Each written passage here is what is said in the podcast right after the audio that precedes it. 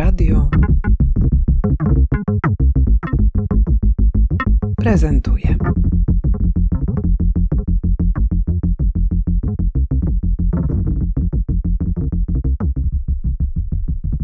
Cześć, Anna Jurga. Podobno doktor e, zajmuje się wpływem przestrzeni na człowieka i człowieka na przestrzeń, czyli neuroarchitekturą i designem synestetycznym, naszymi zmysłami, systemem nerwowym i tym, co sobie robimy przestrzenią albo co przestrzeń robi nam. Dla Ciebie przygotowałam bardzo trudne pytanie dotyczące komfortu, ale pomyślałam sobie, że poradzisz sobie z nim.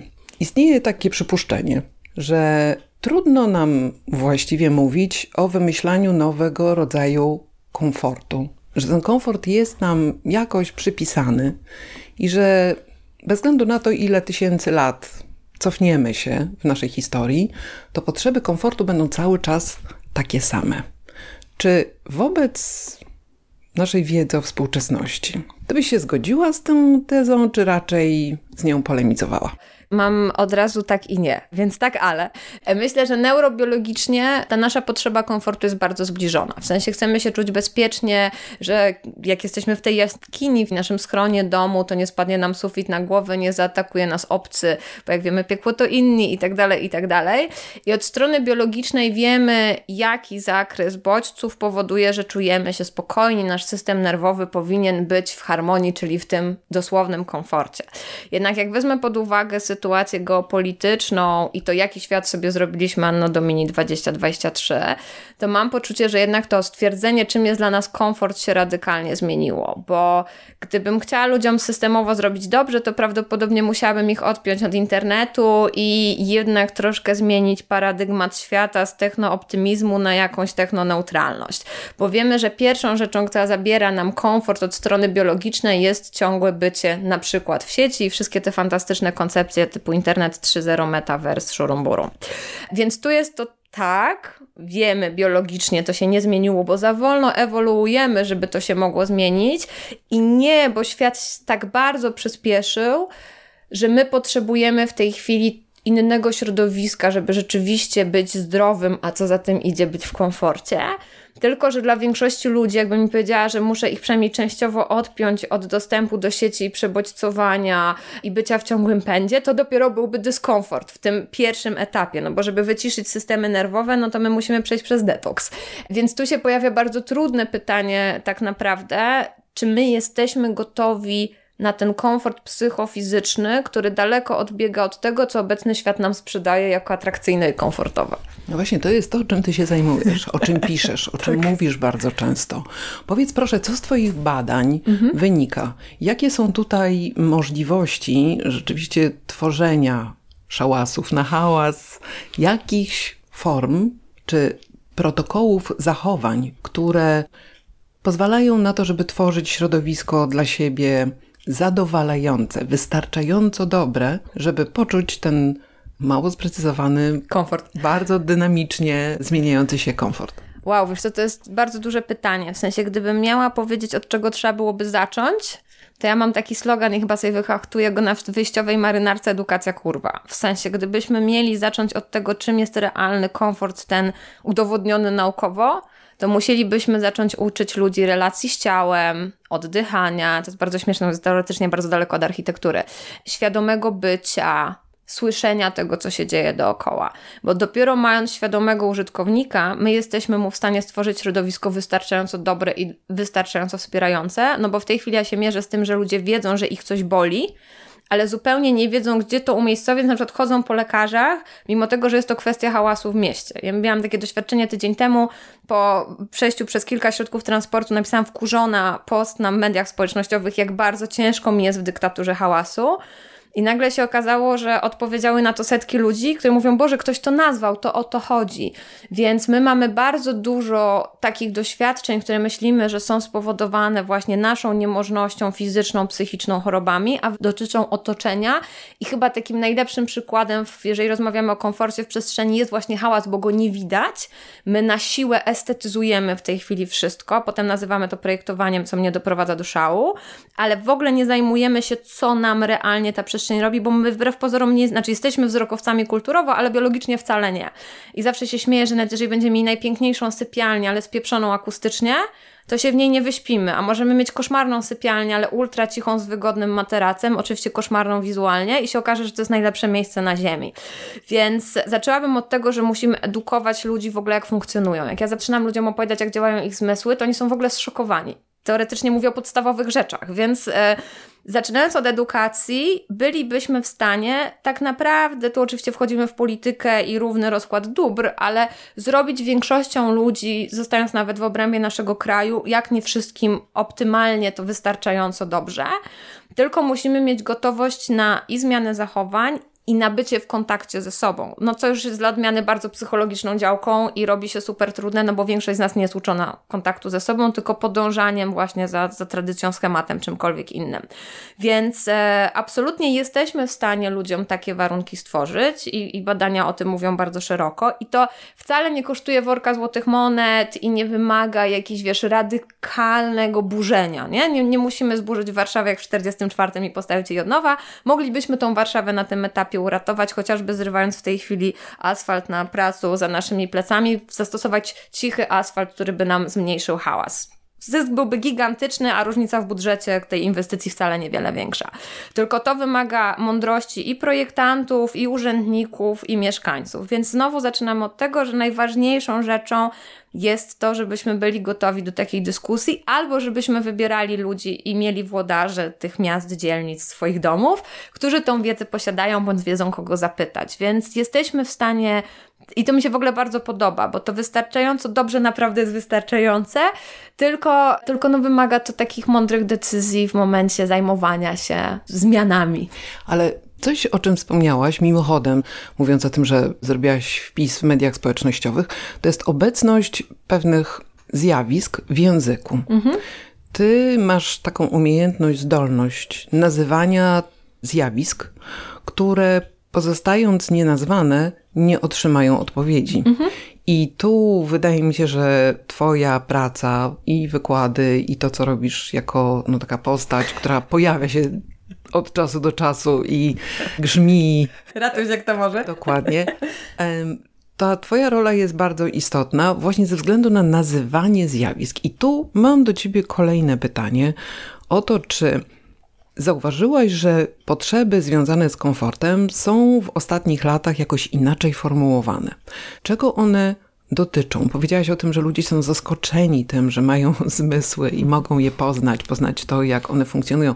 Często też słyszałam Cię mówiącą o roli snu, o mhm. tym, jak funkcjonujemy, jeśli chodzi o nasz system nerwowy. To są wszystko takie treści, które są mało znane, chociaż to zadziwiające, przecież to formatuje nasze Nasze wszystko. Nasze wszystko. Powiedz więc, jak to, mm, jak z tym pracować, z wprowadzaniem jednak w sferę obecności w debacie tych zjawisk poprzez terminologię, poprzez nazywanie ich.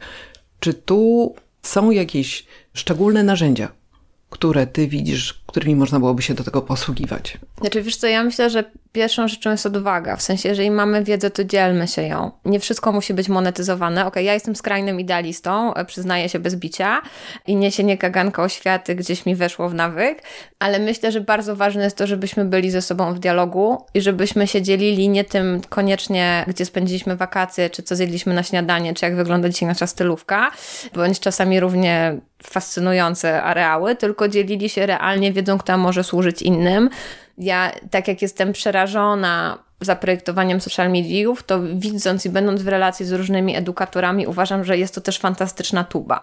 Dla mnie osobiście jest to super trudne, e, żeby gadać do tego pudełka, ale też widzę to, co mówisz, że tam jest odzew i że ludziom jest to potrzebne, więc my potrzebujemy być w kontakcie, w kontakcie, jakby jesteśmy gatunkiem grupowym, plemiennym, społecznym, nie żyjemy bez innych, nie było nic gorszego w historii niż wyrzucić człowieka za mury miasta. Naprawdę śmierć przez powieszenie była łaskawa. Więc e, potrzebujemy bycia w plemieniu i potrzebujemy też tej wymiany informacji. Harari zawsze się śmieje, że gdyby nie plotka, to byśmy nie byli tu, gdzie jesteśmy. Więc e, przede wszystkim potrzebujemy mówić i rozmawiać ze sobą i się tą wiedzą dzielić.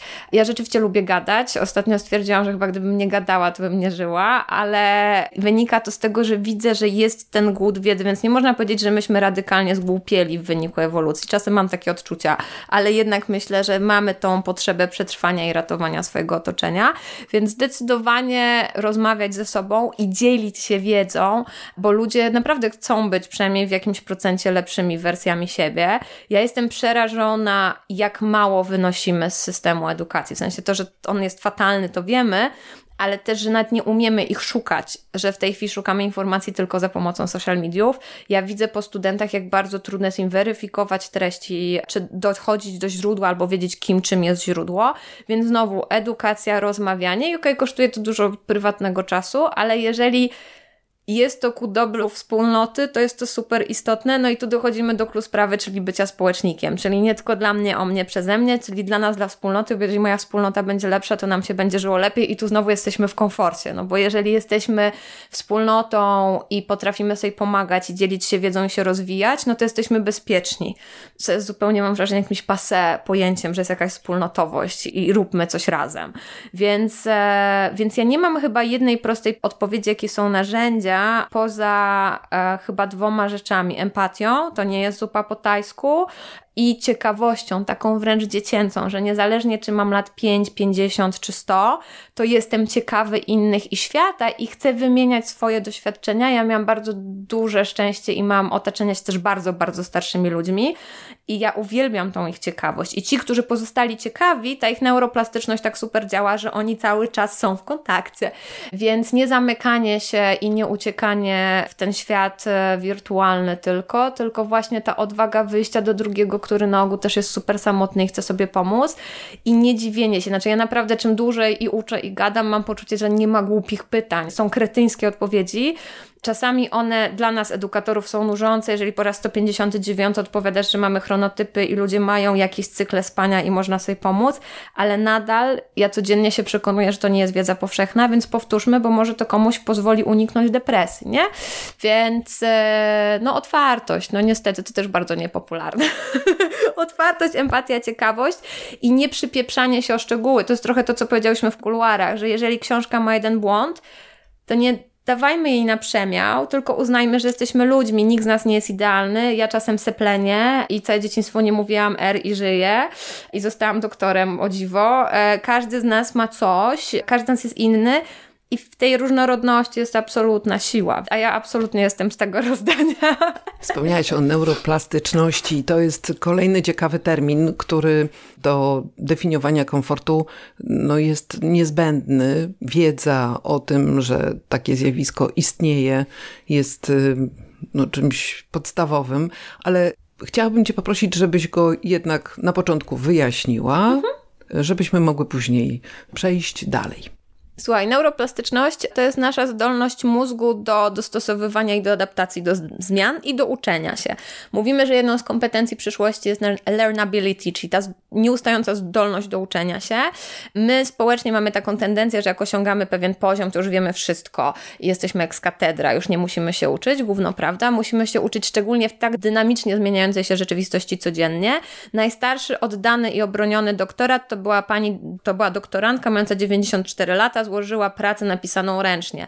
Da się, więc nigdy nie jest za późno. Czym więcej się uczymy, tym dłużej utrzymujemy naszą młodość mózgu, bo cały czas wytwarzają się nowe połączenia neuronowe i cały czas akumulujemy i umiemy przetwarzać zmiany i się do nich dostosowywać. Tu odsyłam do Asi Podgórskiej, ona jest absolutnie najlepsza w mówieniu o mózgu, ale chodzi o to, że mamy nie bać się wyzwań, nie bać się nowych rzeczy, zmieniać. Ja zawsze to mówię na przykładzie krzesła e, najpierw w przedszkolu, najpierw mam tą swoją szafkę z malinką albo bocianem, potem mamy miejsce w ławce przez całą edukację, w niedzielę na rodzinnym obiedzie mamy swoje krzesło, a potem mamy swoje miejsce w biurze i nagle się okazało, że jak już nie ma stałych biurek w pracy, to wszyscy są zrozpaczeni i mają załamania nerwowe nerwowe, no bo całe życie mieliśmy to krzesło, które jest naszym tym symbolem stabilizacji i bezpieczeństwa, bo nam się wydaje, że kiedykolwiek w historii było bezpiecznie. Nigdy nie było bezpiecznie i zawsze było zmiennie, tylko żyjemy w ułudzie tego, że jeżeli coś jest powtarzalne, to niezmienne. Więc to uczenie się nowych rzeczy i zmiana krzesła w szkole, i zmiana miejsca w firmie, i zmiana miejsca przy stole na rodzinnym obiedzie powoduje poprzez zmianę perspektywy. Można oglądać inną ścianę albo innych ludzi, inne okno, a po drugie właśnie powoduje, że ten mózg wytwarza nowe połączenia, przepływa w nim więcej prądu i przez to przyswojenie wiedzy wszelakiej idzie nam zdecydowanie lepiej, więc neuroplastyczność jest super ważna. Asia Podgórska powtarza, że super na neuroplastyczność robi tańczenie, więc zawsze zachęcam ludzi do tego, żeby tańczyli.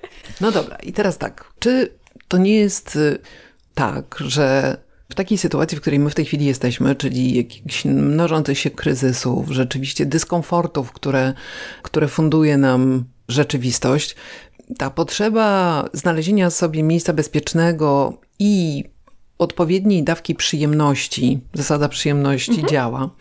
Czy to nie jest czasem wzmocnione? To pierwsze pytanie. A drugie, czy Idzie za tym wymyślanie nowych rodzajów komfortu. Czy ty to obserwujesz w swojej pracy badawczej, czy w swoich kontaktach naukowych, czy takich zupełnie codziennych? Czy uważasz, że na przykład, i to będzie prosty przykład, zrozumiały, stworzenie jakiś czas temu produktu turystycznego, mhm. all inclusive, mhm. jest typowym przykładem usługi związanej z utowarowieniem komfortu. Czy tego rodzaju zjawiska jakoś ci się wyświetlały ostatnio? Co myślisz o To znaczy tak, ja bym chciała zdementować pierwsze, co powiedziałaś. Nadal żyjemy w najbezpieczniejszych, najbardziej dostatnich i najbardziej spokojnych czasach w historii naszego gatunku. Amen. Więc ta cała historia o tym, że jest tak strasznie niebezpiecznie, jest bardzo dobrą narracją polityczną.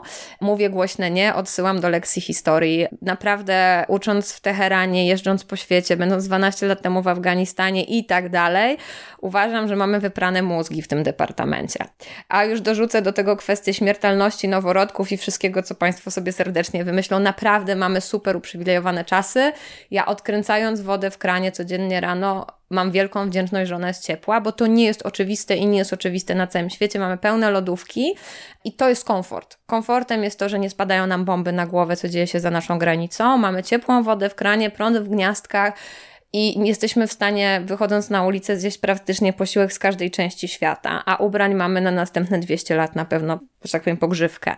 Więc nigdy nie było nam tak komfortowo, jak jest nam komfortowo.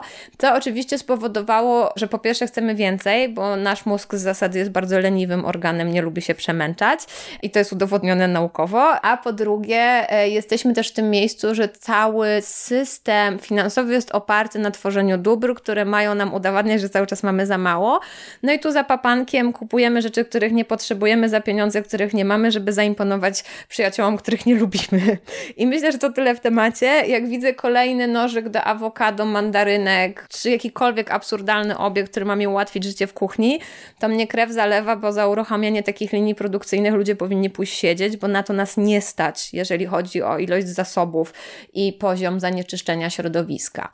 Ale to znowu jest o edukacji, bo gdybyśmy się uczyli kontaktu ze sobą, tego co realnie potrzebujemy i co nam daje przyjemność, bo coraz częściej słyszę od bardzo różnych ludzi, że przyjemnością, spokojem, komfortem jest spokój, czyli to, że nie nakurwia mi telefon, nie mam zapchanej skrzynki mailowej i mogę po prostu popatrzeć na drzewo, niebo, pójść na spacer, pojeździć na rowerze. I mówią to czasami ludzie naprawdę bardzo uprzywilejowani finansowo, którzy mogliby kupić wiele dóbr tego świata i widzą, że to nie ma sensu. Więc, więc myślę, że tak. Myślę, że ja, przykład All Inclusive jest w ogóle bardzo abstrakcyjny, bo on też jest przykładem neokolonializmu, więc jest jeszcze z innego miejsca i absolutnie zabija ciekawość świata innych kultur, bo tworzy jakieś takie koszmarne bańki i one nikomu nie robią dobrze, w sensie ani lokalnej społeczności, ani tym turystom tak naprawdę. Więc ja się bardzo cieszę, że była pandemia, tak powiem to głośno. Pandemia posadziła nas na dupach i spowodowała, że się trochę rozejrzeliśmy wokół siebie i nagle się okazało, że mamy jakieś domy, jakieś społeczności, jakichś sąsiadów i jakieś mikropodróże, które potrafią być równie fascynujące i że Polska też ma wiele pięknych zakątków. Więc ja raczej jestem w odwrocie, w sensie mam po pierwsze to spostrzeżenie i ono mi wyszło w badaniach, że myśmy zaczęli w ogóle się rozglądać wokół siebie i że to nasze lokalne otoczenie zaczęło mieć znaczenie, z czego jestem super dumna, bo jak zaczęłam się tym zajmować, to wszyscy na mnie patrzyli jak na kosmitkę, którą pewnie jestem, ale wtedy patrzyli bardziej. Więc tu zaczęłam mieć jakieś w ogóle pole odbioru. No a po drugie czeka nas jakaś gigantyczna dyskusja, która na razie dzieje się w naszych bąbelkach, o tym, że jeżeli nie zmienimy paradygmatu świata, to on się nie skończy za trzy pokolenia, tylko skończy się w naszym pokoleniu i naprawdę koniec dowodu. Ja nie bardzo chciałabym zobaczyć wojnę o wodę i nie bardzo chciałabym słyszeć tych wszystkich nacjonalistów, którzy no, będą się jakoś zachowywać, bo przed nami jest radykalna migracja klimatyczna. No, mówimy co najmniej o 314 milionach ludzi do 2050 roku. To jest ludność Brazylii. Więc to w ogóle to są liczby, które dla nas są niepojęte, nie? Więc, e, więc na ten moment myślę, że e, ja z radością chciałabym widzieć rozmowę o nowym porządku, ale my jesteśmy, my mamy super komfortowo. Mhm. Ale wiesz jednak bym Cię dopytała, bo pojawiające się dyskomforty wynikające odpryskowo na przykład z rozwoju naszej mhm. cywilizacji, tak jak hałas, o którym mhm. wspomniałaś, no jednak y, powoduje, że jest cała masa nowych y, usług czy gadżetów, które pozwalają sobie z tym poradzić.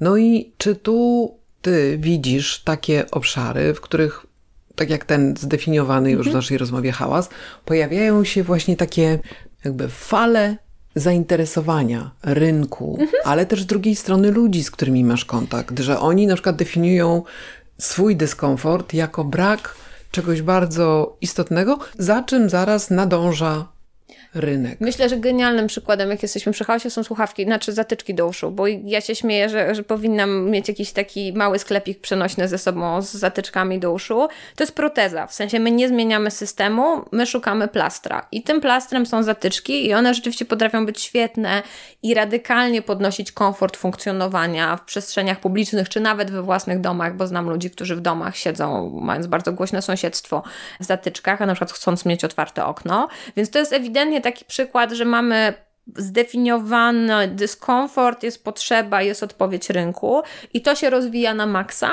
I też jest to bardzo dobrze robione, bardzo często bardzo odpowiedzialnie i produktowo i rzeczywiście ten design jest ergonomiczny i tam się, ja jestem czepialska, tam się nie mam do czego przyczepić.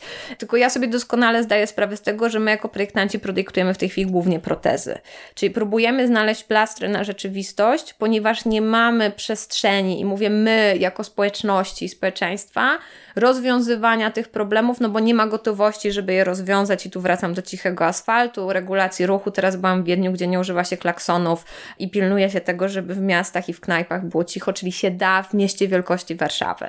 Więc te odpowiedzi rynku są, i one czasami są bardzo trafione, czasami są bardzo smutne, w sensie z takiego miejsca, że jak zobaczyłam Somnoxa, robot do snu, który pokazaliśmy na wystawie, który jest genialnie zaprojektowany, tam byli i neurobiolodzy, i projektanci, i materiałoznawcy.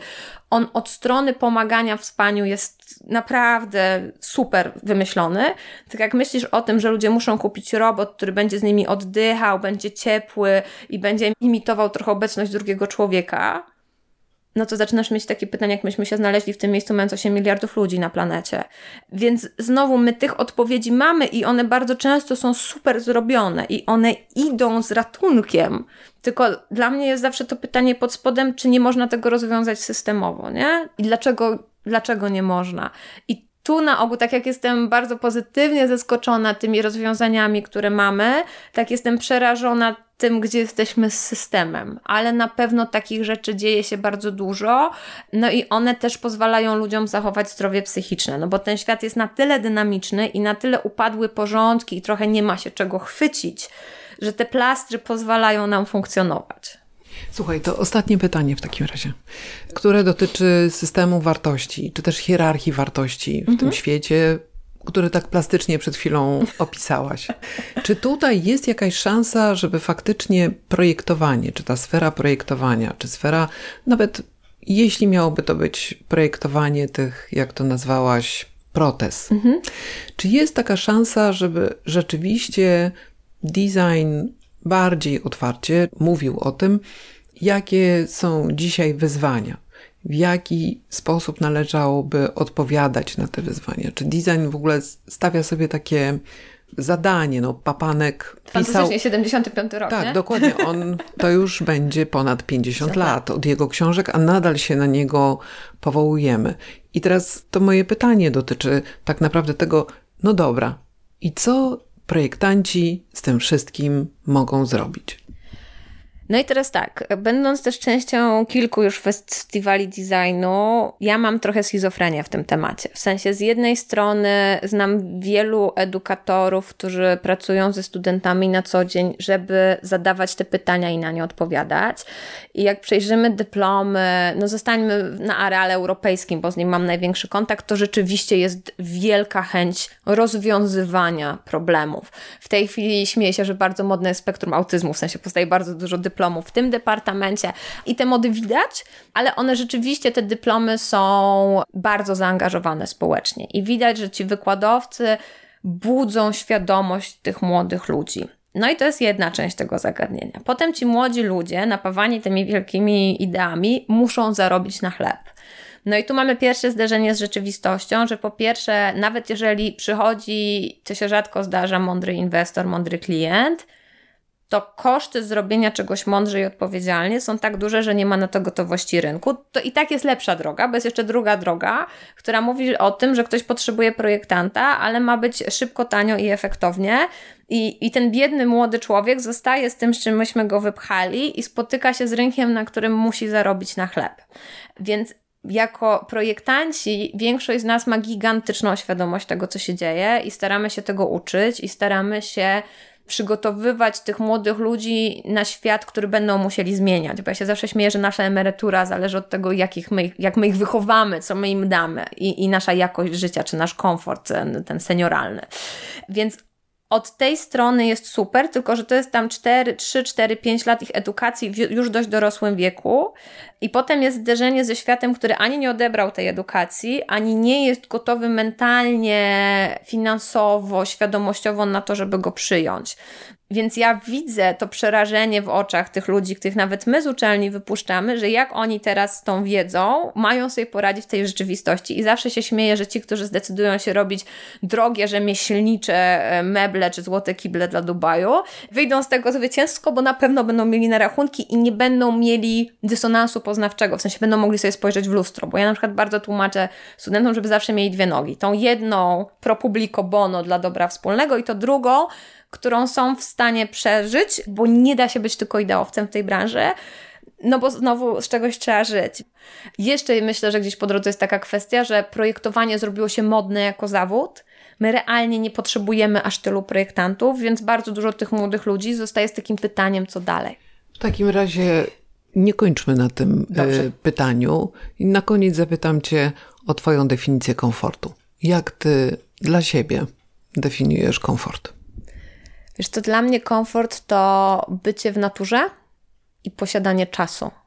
I myślę, że to jest, e, no to jest dla mnie prawdziwy komfort. Jak mogę być, mogę być w przyrodzie i ta przyroda nie jest absolutnie zniszczona przez człowieka, i mam czas na spokojny spacer i gapienie się na ptaki, zwierzęta czy cokolwiek innego. Tak, ja lubię spać na świeżym powietrzu, lubię te fizyczne niewygody, jak brak kibla czy coś w ten deseń, w ogóle mi to nie przeszkadza, ale spokój i czysta przyroda, tak, to jest mój komfort. Dziękuję Ci bardzo Dziękuję. za rozmowę.